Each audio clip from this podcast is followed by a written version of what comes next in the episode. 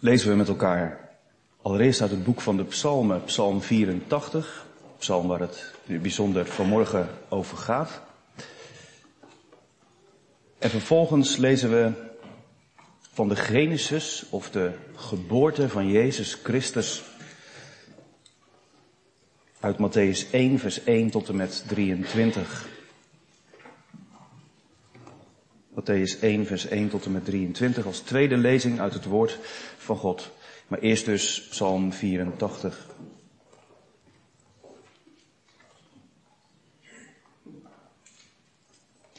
Dan komen we in de eerste zin, jongens en meisjes, meteen al een moeilijk woord tegen. Gittit. Dat is onvertaald. Men weet ook niet helemaal zeker. En als hele geleerde mensen dat zeggen, dan moeten we dat maar aannemen. Men weet niet helemaal zeker wat dat nou betekent, maar het heeft waarschijnlijk iets te maken gehad wat voor de Joden wel duidelijk was. Een instrument, een, een, een melodielijn. Dat je dat even weet. Voor de koorleider. Op de Gittit. Een psalm van de zonen van Korach. Hoe lieflijk zijn uw woningen, heren van de legermachten. Mijn ziel verlangt, ja, bezwijkt zelfs van verlangen naar de voorhoven van de heren. Mijn hart en mijn lichaam roepen uit tot de levende God. Zelfs vindt de mus een huis en de zwaluw haar nest waarin zij haar jongen legt bij uw altaren. Heren van de legermachten, mijn koning en mijn God. Welzalig zijn zij die in uw huis wonen. Zij loven u voortdurend. Welzalig de mens van wie de kracht in u is. In hun hart zijn de gebaande wegen. Gaan zij door het dal van de moerbijbomen, dan maken zij God tot hun bron. Ook zal de regen hen overvloedig bedekken. Zij gaan voort van kracht tot kracht. Zij zullen verschijnen voor God in Sion. Heere God van de legermachten, luister naar mijn gebed. Neem het ter oren, o God van Jacob. O God, ons schild, zie en aanschouw het aangezicht van uw gezalfde. Want één dag in uw voorhoven is beter dan duizend elders. Ik verkoos liever te staan op de drempel van het huis van mijn God, dan lang te wonen in de tenten van de goddeloosheid. Want God, de Heere, is een zon en schild. De Heere zal genade en ere geven. Hij zal het goede niet onthouden aan wie in oprechtheid zijn weg gaat. Van de legermachten, welzalig de mens die op u vertrouwt. Tot zover de psalm en dan nu het gedeelte wat misschien wel bij sommigen vanmorgen aan tafel is gelezen.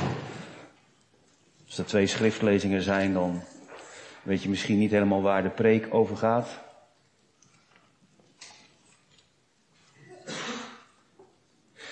Um, en dan weet ik in ieder geval van één vader dat hij dit gelezen heeft. En geslachtsregisters doen het niet zo goed aan tafel met kinderen erbij. Waar zou dat nou aan liggen? Dat het gaat over al die moeilijke namen. Um, dat zou kunnen, hè. En inderdaad, ik uh, heb het niet alleen een beetje warm vanwege de temperatuur, maar ook wel vanwege die lijst van moeilijke namen die uh, ja, in dit gedeelte staan. Is het een bloedneus? Oh, het valt gelukkig mee. Misschien goed om even te kijken, maar dan zijn wij een klein beetje gerustgesteld. Al is het natuurlijk naar voor het, uh, het mannetje. Ja, die moeilijke namen, jongens en meisjes. Weet je wat helpt? Hoe meer je van de Bijbel en vooral van het Oude Testament weet, hoe meer die namen gaan spreken. En hoe bijzonderder het wordt dat in heel de voorgeschiedenis van Jezus namen voorkomen van mensen dat je denkt, horen die bij hem? Eindigt het straks in God met ons zo? Ja, dat is het bijzondere. Dat Jezus Christus geboren is vanuit een geslacht Waar zoveel zwarte bladzijden zitten. En tegelijkertijd zo grote genade schittert Matthäus 1, vers 1 tot en met 23. Het geslachtsregister van Jezus Christus, de zoon van David. De zoon van Abraham. Abraham verwekte Isaac. Nou, als je die twee namen bij elkaar hebt en je kent een beetje de Bijbel, jongens en meisjes. Dat is een wonder. Dat Isaac echt is gekomen en dat Sarah heeft gelachen. Het leek er eerst helemaal niet op en toch, het is gebeurd. Nou, ik ga dat niet bij iedere naam doen, maar lees zo eens mee. Isaac verwekte Jacob. Jacob verwekte Juda en zijn broers. Juda verwekte Peres en Zera bij Tamar. Ja, ja. Peres verwekte Hesron. Hesron verwekte Aram. Aram verwekte Abinadab. Aminadab verwekte Naheson. Naheson verwekte Salmon. Salmon verwekte Boas bij Ragab. Boas verwekte Obed bij Rut. Obed verwekte Isaï. Isaï verwekte David, de koning. David, de koning, verwekte Salomo uh, bij haar die de vrouw van Uria was. Salomo verwekte Rehabiam, Rehabiam verwekte Abia, Abia verwekte Asa, Asa verwekte Jozefat, Jozefat verwekte Joram, Joram verwekte Uzia, Uzia verwekte Jotam, Jotam verwekte Agas, Agas verwekte Hiskia, Hiskia verwekte Manasse, Manasse verwekte Amon, Amon verwekte Josia, Josia verwekte Jegonia en zijn broers ten tijde van de Babylonische ballingschap. En na de Babylonische ballingschap verwekte Jegonia Sealtiel en Sealtiel verwekte Zerubabel. Zerubabel verwekte Abihud en Abihud verwekte Eljakim. Eljakim verwekte Azor. Azor verwekte Zadok en Zadok verwekte Agim en Agim verwekte Eliud. Eliud verwekte Eliazar. Eliazar verwekte Matan en Matan verwekte Jacob. Jacob verwekte Jozef. De man van Maria uit wie geboren is. Jezus. Die Christus genoemd wordt. Al de geslachten dus van Abraham tot David zijn veertien geslachten en van David tot de Babylonische ballingschap zijn ook weer veertien geslachten en van de Babylonische ballingschap tot Christus zijn veertien geslachten. Dan komt er de climax. De geboorte van Jezus Christus was nu als volgt. Terwijl Maria zijn moeder met Jozef in ondertrouw was, bleek zij nog voordat ze samengekomen waren, zwanger te zijn uit de Heilige Geest. Jozef, haar man, wilde haar onopgemerkt verlaten, omdat hij rechtvaardig was en haar niet in het openbaar te schande wilde maken. En terwijl hij deze dingen overwoog, zie een engel van de Heere verscheen hem in een droom en zei, Jozef, zoon van David, wees niet bevreesd Maria, uw vrouw, bij u te nemen. Want wat in haar ontvangen, letterlijk verwekt is, is uit de Heilige Geest. En zij zal een zoon baren. En u zult hem de naam Jezus geven, want hij zal zijn volk zalig maken van hun zonden.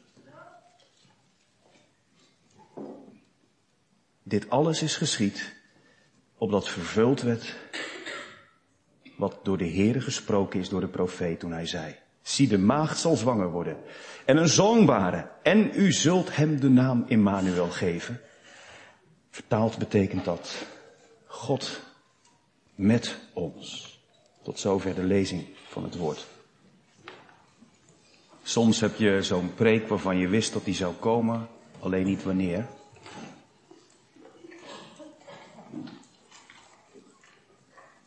Vanmorgen is dat er zo één. Een preek waarvan ik meteen maar even aangeef, die niet misschien in eerste instantie voor iedereen van betekenis is, omdat je godzijdank je niet herkent in gebeurtenissen die worden beschreven. Is het dan erg als God er wel een doel mee heeft voor een broeder en zuster in de gemeente? Dat is even een luistertip. Dit is vanmorgen niet voor niets aan de beurt. Tegelijkertijd, ook al herken je je soms niet in allerlei dingen, De kern van het geloof in Psalm 84 heeft lessen voor ons allemaal. Beelden die worden gebruikt. Soms hoeft het er niet zo heftig aan toe gegaan te zijn in je leven zoals bij de kinderen van Korach, waar het in deze psalm over gaat. Maar toch, we hebben zo allemaal, zeker als je tot geloof bent gekomen en op het pad van God loopt, tegenstand, uitdaging, zorg. Dus u mag voor uzelf ook de toepassing maken bij het thema. Het thema van de preek is omgaan met trauma's in je voorgeslacht. Nou, en dat voorgeslacht, als je je daar niet in herkent, kun je daarvan maken omgaan met trauma's in je verleden of omgaan met trauma's in het heden. We stellen vier, drie vragen en een antwoord. Hoezo dan? We letten op vers 1. Hoe dan? Vers 6 tot en met 8. Een opdracht. Uh, punt 3. Roep de God van Jacob aan. Vers 9. En tenslotte letten we op hoe Jezus in onze trauma's het verschil maakt. En dan zijn we bij Matthäus 1. Omgaan met trauma's in je voorgeslacht. Hoezo? 1, 2. Hoe dan? Vers 6 tot en met 8. 3. Een opdracht, roep de God van Jacob aan, dat vinden we in vers 9. En 4. Hoe Jezus in onze trauma's het verschil maakt. Ja, jongens en meisjes, wat is een trauma? Niet alleen misschien wel een beetje een moeilijk woord.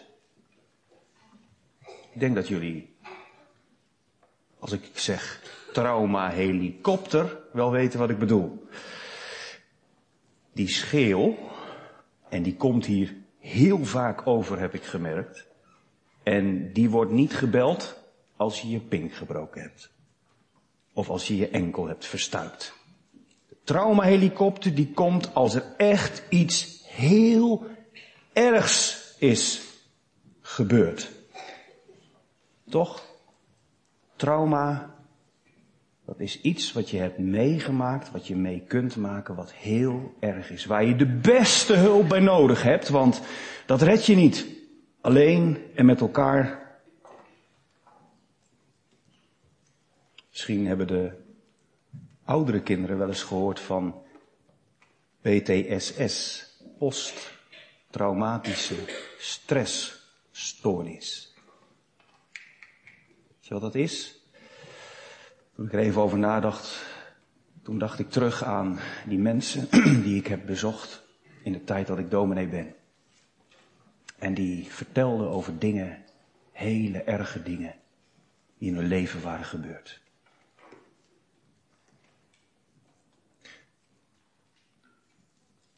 Seksueel misbruik, incest, kleineren, pesten.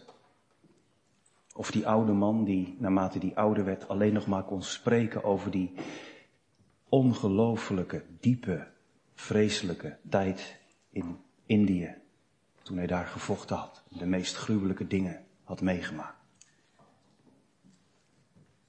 Het kan het verleden je tekenen voor het leven. Hoezo verbindt de dominee dan vanmorgen zulke mensen en zulke trauma's aan Psalm 84? Dat zou je toch op het eerste gezicht niet zeggen. Oh ja, er wordt wel krachtig gebeden. Of het gebed gehoord wordt. Je merkt daar iets van afhankelijkheid in, van iemand die zeker niet uit zichzelf sterk op zijn benen staat. Maar neem nou hè, de versen die centraal staan in de preek. Welzalig de mens van wie de kracht in u is. In hun hart zijn de gebaande wegen. Zelfs al gaan ze door het dal van de moerbijbomen. Ik kom daar zo nog wel even op. Dat noemden ze ook wel het dal van de tranen, het dal van Baka. Nou, dan maken zij God tot hun bron. En de regen zal hen overvloedig bedekken. Ja, dat maakt het dus zo bijzonder. En ook zo bemoedigend voor mensen die geregeld met het verleden worden geconfronteerd, ook hier in de kerk. Het is dus mogelijk dat ook als er in jouw verleden of in het verre voorgeslacht zwarte bladzijden zijn geweest die je kunnen achtervolgen. God geeft de kracht om door zijn genade de eindstreep te halen. Ik had het over de kinderen van Korach. Je zou er bijna aan voorbij lezen, maar de zonen van Korach, ze worden meteen in vers 1 genoemd. Er zijn meer psalmen, psalm 42 tot en met 49, psalm 84 en psalm 85 en psalm 87 en 88 zijn allemaal liederen van de kinderen van Korach. Waarom is dat zo bijzonder? Nou, je komt ze tegen in nummer 16. Een paar honderd jaar voordat deze psalm gedicht is, gebeurde dat verschrikkelijke trauma. Korach, daar heb je hem. Datan en Abiram hadden het lef om in opstand te komen tegen Mozes die door God was aangewezen als leider. En hoewel ze natuurlijk stonden te mokken bij Mozes, zat daarin ook een opstand tegen God. En dat is altijd links, altijd levensgevaarlijk. Lees het Oude Testament, maar ook het Nieuwe Testament. Spot niet met God, speel geen spel met Hem. Doe niet vroom en ondertussen stinkt het waar je bij loopt. Wees oprecht. Daag God nooit uit. Want, ja, die stukjes sla je soms ook over met de jonge kinderen aan tafel. Wat gebeurt er?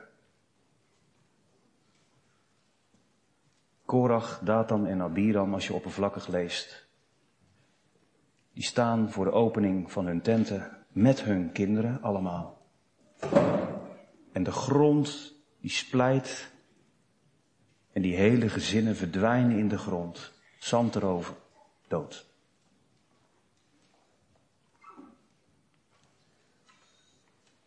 Hoe kan het dan dat er in al die psalmen toch gesproken wordt over de kinderen van Korach? Ik heb dat nooit geweten, maar als je nummer 16 en nummer 26 naast elkaar leest, dan kom je erachter, er is iets heel wonderlijks gebeurd. Bij Datan en Abiram stonden al degenen die wel met hun mee wilden komen in opstand erbij en hun kinderen. Uitgerekend bij Korach staat dat ze medestanders bij hem bij de tent waren, maar dat zijn eigen kinderen hem niet steunden. Die waren er niet bij, bij de tent van hun vader. Die zijn aan het oordeel ontsnapt, zoals al beloofd was door de Here, toch? Dat de schrift vervuld wordt, dat de zoon niet de ongerechtigheid van zijn vader hoeft te dragen, als hij in oprechtheid het spoor van God gaat. Er zijn zelfs uitleggers die zeggen, de liefde van de kinderen van Korach tot de dienst van de tabernakel waar ze toe geroepen waren, als levieten, die was hun veel heiliger. Op het moment dat hun vader en alle die bij hem hoorden levend begraven werd, stonden zij op de drempel op wacht. Niet in de tent van de goddeloosheid, maar in het huis van de Heer. Zo gezien is het dan ook helemaal niet zo vreemd, hè? Als ze in eh, het einde van deze psalm dan nog een keer te sprake worden gebracht. De drempelwachters. De kinderen van Korach hadden die bijzondere taak gekregen en in die eeuwen daarna, de geslachten gingen door. De kinderen van Korach kregen weer kinderen en zij kregen weer kinderen en elke keer hadden zij als leviet de taak om ook de drempel te bewaken in het huis van God. Ik vind dat bijzonder, gemeente. Dan ben ik al bij de tweede vraag die we ons gaan stellen. Namelijk, hoe dan? Hoezo het hier gaat over kinderen die een traumatische ervaring hebben in hun voorgeslacht. Hoe is dat mogelijk? Hoe kan dat? Nou, het is van generatie op generatie doorgegeven. Wie voor het spoor van God kiest en niet meegaat in de zonde van de opvoeders, die wordt door God gezegend. Al die liederen zijn een eerbewijs aan al diegenen die niet hebben gebogen, al werd het misschien wel gezegd. En afgedwongen. En erin geslagen. je hebt door de kracht van Gods genade je eigen spoor getrokken. Je eigen weg. Nee, de gebaande weg gekozen. Rijk gezegend is Adam, staat er letterlijk. In vers 6. Rijk gezegend is Adam, de mens, van wie de kracht in u is. Daar blijf je je over verwonderen. Toch? Als je iets herkent van een verleden wat terugkomt. Als je nog wel eens geconfronteerd wordt met bepaalde familiezonden. Of vreselijke trauma's in je leven. Het is niet goedkoop, het is niet gemakkelijk, het is geen optelsom. Maar het is wel geloof dat zegt, ik, Adam, mens van vlees en bloed. Ik ken een God die zegt, mijn kracht wordt in jouw zwakheid volbracht. Niet de omstandigheden van het verleden of van het heden. Niet de omstandigheden van het leven bepalen de waarde van wie jij bent voor mij. Niet jouw eigen kleine handjes, niet jouw eigen kleine vermogen bepaalt of je erdoor komt, maar mijn kracht. De kracht waarmee ik Israël door de Rode Zee liet gaan. De kracht waarmee ik erbij was. Al die talloze keren dat geprobeerd is om individueel of collectief dat hele volk van de kaart te vegen. Ken uw Bijbel. Ken de geschiedenis van God met Israël. Ken de geschiedenis van die God die zegt, ik eer degene, de kinderen van Korach, die hun vader durfde ongehoorzaam te zijn en die mij wilde eren. En ook die omstandigheden die je zou kunnen benauwen, wegen niet op tegen de kracht die is in God. Welzalig de mens van wie de kracht in u is. Zo dan, zo dus. Rijk gezegend. Zegeningen zijn niet altijd voorspoedige dingen. Zegeningen uit Gods hand vragen soms ook een offer. Geven ze je soms ook littekens. Maar te meer door de kracht van Gods genade willen ze je ook verbinden aan al die anderen die op weg zijn naar Sion. Die de gebaande wegen in hun hart hebben. Wat is dat nou eigenlijk? Het is een hele mooie beeldspraak gemeente. Want die gebaande wegen, die liggen niet altijd voor je voeten, hè? Op weg naar de tempel kwamen ze van alles tegen, die pelgrims. Nou, de kinderen van Korach, die hebben het doorverteld en doorverteld. Dat grote trauma, toen, daar, dat levend begraven worden, die opstand tegen God, vreselijk. En elke keer als er weer bepaalde trekjes naar boven komen, hier en daar, dat je denkt, oh zie je wel, we zijn er een van Korach, dan zie je allerlei leeuwen en beren op de weg. En ook vanmorgen zijn ze wel in de kerk die zeggen, ja, een gebaand pad, dominee, ik zie alleen maar er als een berg tegenop. Leeuwen en beren.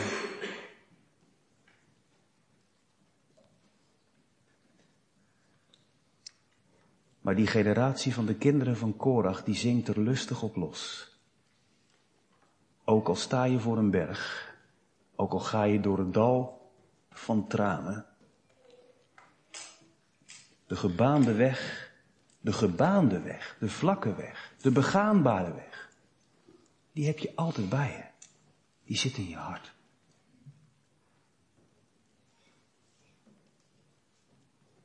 Dat is geloof. Dat je, zoals later de apostel van de Hebreeënbrief schrijven zegt, terwijl het gaat over het einddoel behalen, volhouden, niet moe worden, Doorgaan. Wees niet als degene die in de woestijntocht naar het beloofde land afgehaakt zijn en door hun ongehoorzaamheid niet zijn binnengegaan. Dat je denkt, hoe kom ik er doorheen? Nou, wij hebben met vrijmoedigheid toegang tot de troon van Gods genade.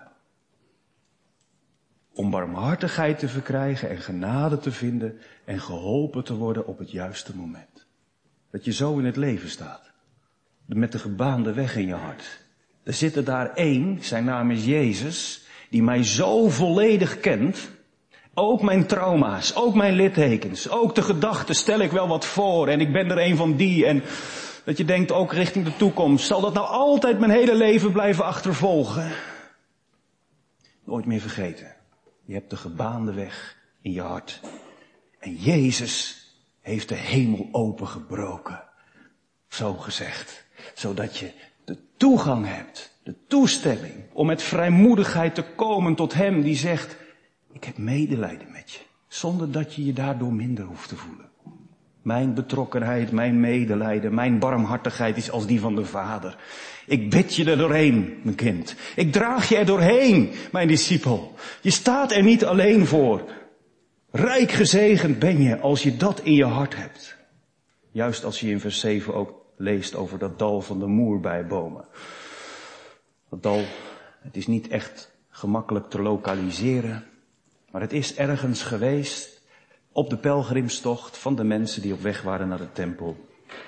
Letterlijk staat er, doortrekkers zijn het door het dal van de moerbijbomen. Mensen die door moeten trekken. Elke keer weer op moeten staan. En er dan achterkomen, wat is het hier droog.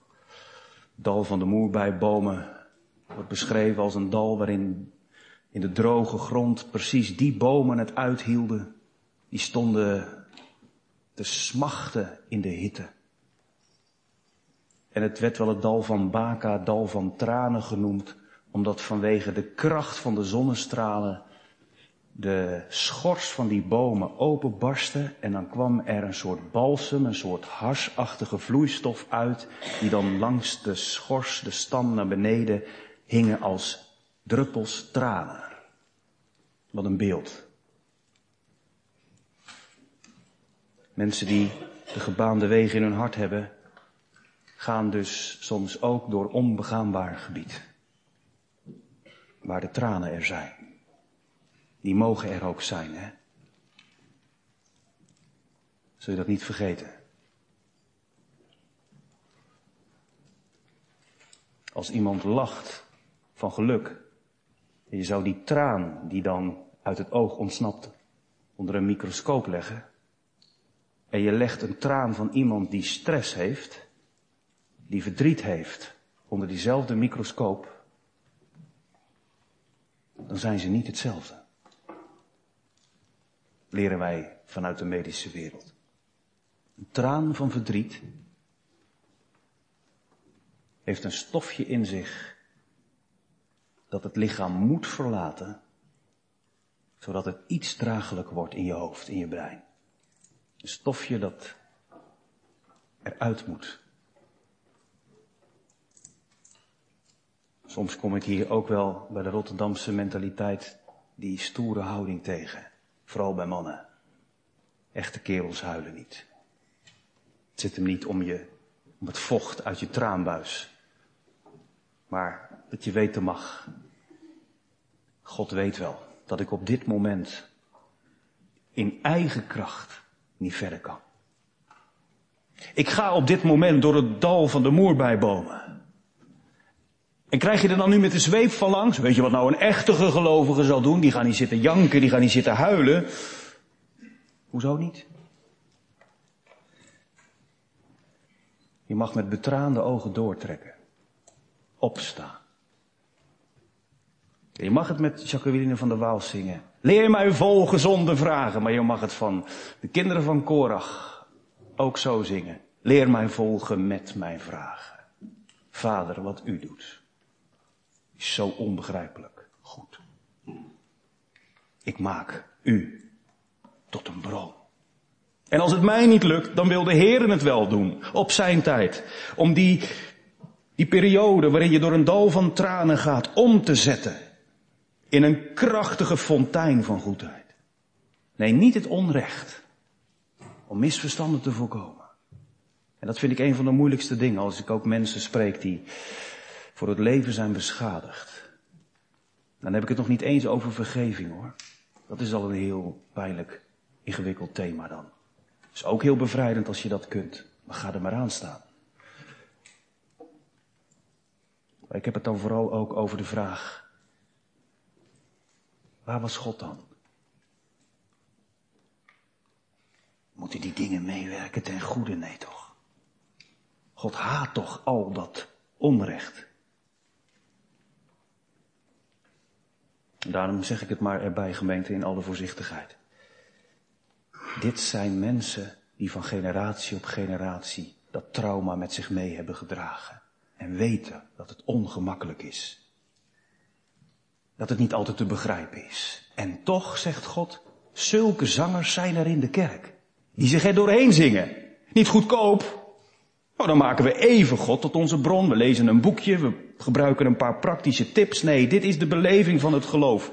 Morgen is het misschien weer anders, maar vandaag is het zo. Vandaag komt God met deze boodschap. Wij gaan door. Niet alleen door het dal van de moerbijbomen. Door het dal van tranen. Maar wij gaan door dat dal met God. En dan maken wij God tot onze bron. Er zijn ook uitleggers die zeggen, ja, dat woordje God staat er niet. Nou, daar hebben ze helemaal gelijk in. Het staat daarom ook schuin gedrukt. En daarom concluderen ze dat je ook kunt vertalen, dan maken ze dat dal tot hun bron. Hoe dan ook, dat de tegenspoed en het trauma je niet zo in de klem houdt, dat het je het zicht op God beneemt. Maar dat God je laat zien in dat wat je meemaakt. Kijk omhoog, mijn kind. Ik zie jou. Ik ken jou. En ik ben een God die te midden van jouw tranen het laat regenen en zegenen. Letterlijk staat er, dan zal de vroege regen, de regen die nodig is om die geploegde grond in het voorjaar te verzadigen, zodat er vruchten komen. Gemeente, hoe lastig het ook voor ons verstand is hè, en hoe makkelijk het soms ook klinkt. Maar het is niet de rode draad door de Bijbel heen dat als je alleen maar mooie dingen meemaakt, dat je dan rijk gezegend bent door geld en goed en kinderen en alles, die, die dingen kom je ook tegen. Maar als ik me niet vergis, is vooral de rode draad door heel de Bijbel heen, dat juist door offers, juist door tegenspoed en zelfverloochening de diepste vruchten worden geboren. Ja, toch. Hoe moet ik omgaan met een trauma in mijn leven? Als ik door het dal van de tranen heen ga, zeg en zing en geloof ik. Hij zal water gieten op het dorstige en stromen op het droge. Zij gaan toch van kracht tot kracht steeds voort. Ik zal de eindstreep halen. Ik kom er doorheen. Ik word er doorheen gedragen. Dit is het lied van kinderen die een voorvoorvader hadden, die op een gegeven moment klaar was met het plan van God. En zij zeiden, nee, nee pa. En de achter, achter, achterkleinkinderen die hebben het aan elkaar doorverteld. Nee jongen, nee meisje, zo niet. Dat plan van God, dat moet er zijn en dat zal er zijn. En daar gaan we niet tegenin. Daar laten we ons in meenemen. En ook al begrijpen we soms niet waarom zijn beloften in eerste instantie niet lijken uit te komen. En soms begrijpen we er ook totaal niks van waarom wij wel dingen hebben en andere mensen niet. Maar God is betrouwbaar. Wij gaan niet van kramp tot kramp steeds voort. Onze kracht is zijn kracht. Ons geloof richt zich op hem. Zoals je tegenkomt in Romeinen 8. Het schijnt er allemaal niet zo rooskleurig uit te zien. Als je kijkt met deze ogen. En als je soms terugblikt, de gemeente van Rome kon dat ook. Wat een bende. Moet je Romeinen 1, 2 en 3 eens lezen. Wat kunnen geslachten door en niet een gruwelijke zonde worden begaan. En toch, zo is er geen veroordeling meer voor hen die in Jezus Christus zijn. Zij zullen aankomen. Niets kan mij scheiden van de liefde van God in Christus. En het lijden van deze tegenwoordige tijd weegt niet op tegen de heerlijkheid die komt. Ik zucht mee met de schepping, met alle gelovigen wereldwijd. Daar waar we er soms helemaal niets van begrijpen. Geloven wij dat eens het zuchten ophoudt.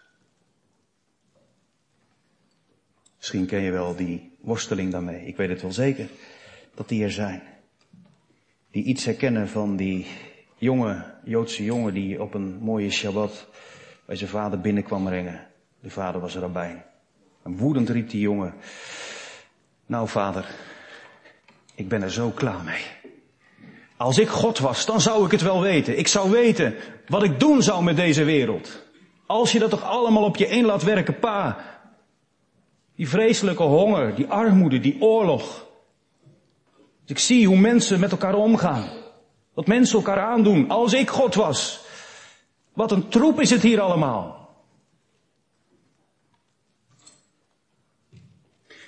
En de jongen krijgt geen kans om verder te spreken. Zijn vader springt overeind. Hijst zijn jongen in zijn jas. Doet de voordeur wagenwijd open. En de jongen zegt, stuurt u me weg, pa? Bent u kwaad? Nee, jongen, zegt de vader, ik ben eigenlijk wel blij. Hup, de straat op. Je kunt meteen beginnen. Er zit wel een diepe les in, hè? Ik kan wel roepen als ik God was, maar dat ben ik niet. En wat leer ik van Psalm 84? Ik kan toch beginnen. Ik mag steeds opnieuw beginnen. Ik los het klimaatprobleem niet op. Ik los het niet op dat er nog steeds zoveel mensen zijn die niet met hun handen af kunnen blijven van wat niet van hen is. Ik los het niet op, al die trauma's in mijn verleden. Maar ik heb een vader die zegt, opsta. Hier is een open deur. Ga van kracht tot kracht steeds voort. Je zult er komen, jongen. Vrouw, heb goede moed. Ik ken je naam. En als je dat lastig blijft vinden, dan geef niet. De kinderen van Korach, die geven je een gebed mee. Ik zeg het maar weer. Zet het op het prikbord. Plak het op de koelkast. Vooral op een plaats waar je vaak komt. Heere God van de legermachten, luister naar mijn gebed. Neem het ter oren, o God van Jacob. Heere, uw eigen naam, ik zal er zijn. God van de legermachten, dat laat ik nu allemaal even rusten. God van de hemelse heerlegers, u die uw engelen gebiedt om mij te laten zien wat ik eerst niet zag. Die mij beschermen er doorheen draagt. Luister naar mijn gebed, o God van Jacob.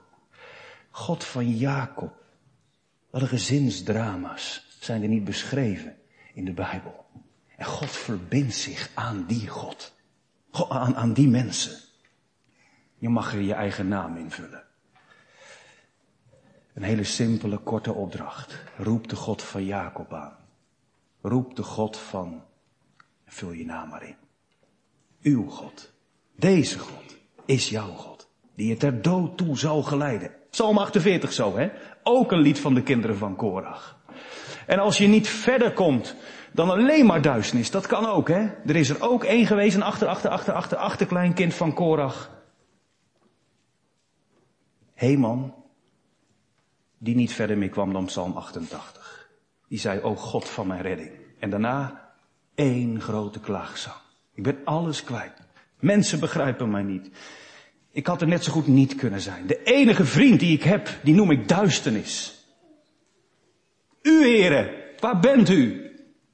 En dan staat er niet aan het eind nog, maar de Heer zal uitkomst geven. Het blijft donker. En toch een gebed. God van mijn redding. God van Jacob. En wij mogen vandaag zeggen, Vader van onze Heer Jezus Christus, hè, tot slot. Het laatste stukje. Vader van onze Heer Jezus Christus. Omgaan met trauma's in het verleden of in het heden, in je voorgeslacht. Hoe Jezus verschil maakt. Hij is gekomen. Ik zei het al. De naam van de vrouw van Uria wordt verzwegen. maar die van Uria niet. God is rechtvaardig. Hij heeft ook gezien wat David heeft misdaan. En toch, toch was het Jezus niet te min om uit zulke mensen geboren te worden. Denk aan Jacob en Tamar. Seksuele gemeenschap met je schoondochter. Denk aan Rut. Waar komt die nou vandaan? Die hoorde er niet bij, maar die werd er ook bijgevoegd. Denk aan Ragab. Alle mensen zeg. Wat een pijnlijk beroep had die vrouw. Te midden van al die namen, koningen die gaan en koningen die komen, generaties die zich afwisselen, is daar op een gegeven moment Maria. Die voelt dan haar buik, die de hand op haar hart legt. God breekt door. Yeshua. Jezus wordt geboren. Hij zal zijn volk zalig maken van hun zonde. Zijn naam is Immanuel. Ik zal er zijn. God met ons. Daar mag je het mee doen, gemeente. Allereerst als je je herkent in die trauma's. Maar ook als je God mag danken en zeggen, zo diep is het niet gegaan. Maar je wel bepaalde momenten in je leven er zomaar bij kunt halen bij Psalm 84. Het dal van de moerbijbomen. Nou, ik kan het uitschilderen. Dat je het weet. God met ons. Zo God voor ons is, wie zal tegen ons zijn? Al ga ik ook door een dal van de schaduw van de dood. Ik zou niet vrezen. En de kracht van het geloof is niet dat je nooit valt. Ik zeg het nog maar weer een keer, maar dat je steeds weer opstaat. De kracht van het geloof is niet dat je altijd kunt zeggen. Ik snap niet waarom al die mensen zo moeilijk doen in het geloof. Het is gewoon geloven gaan. Ik zie geen leeuwen en beren. Natuurlijk zie je die wel. En natuurlijk heb je soms helemaal geen zin om te bidden. En ben je klaar met het geloof. Dat is niet goed.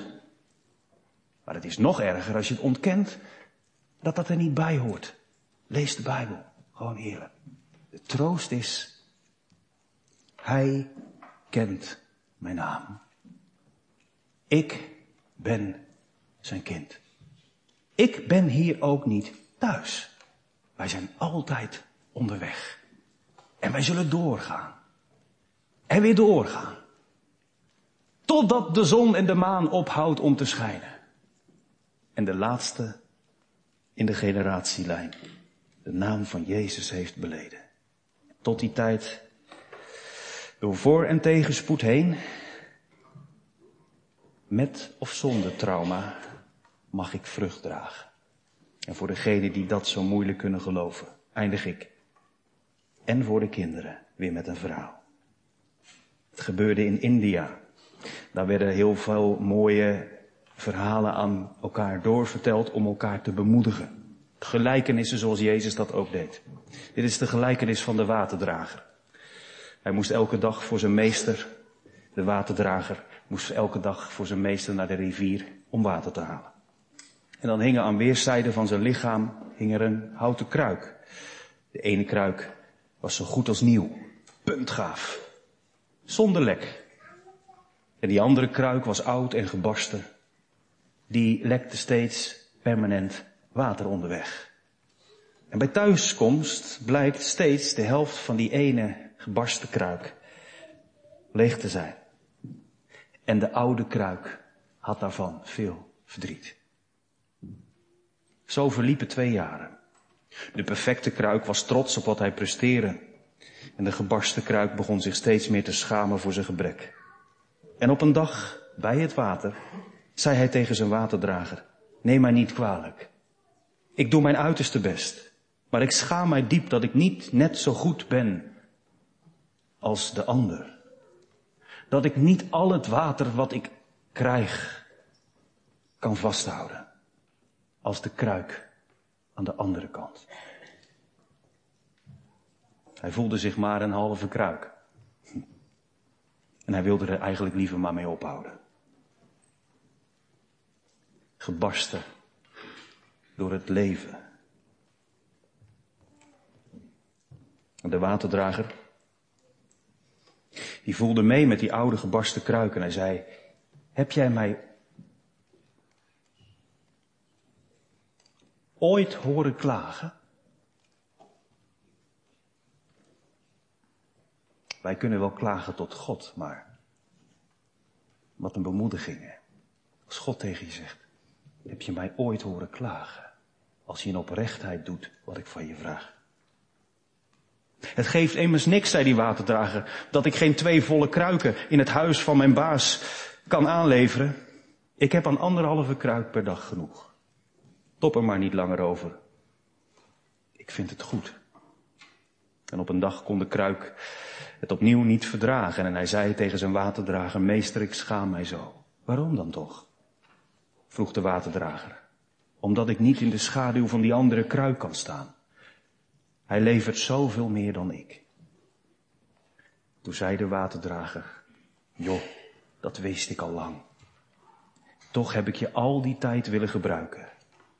Kijk, kijk eens. Zie jij langs die weg die ik elke keer ging van het water naar het huis, zie jij daar aan die kant waar jij hing, niet die hele mooie bloemen staan?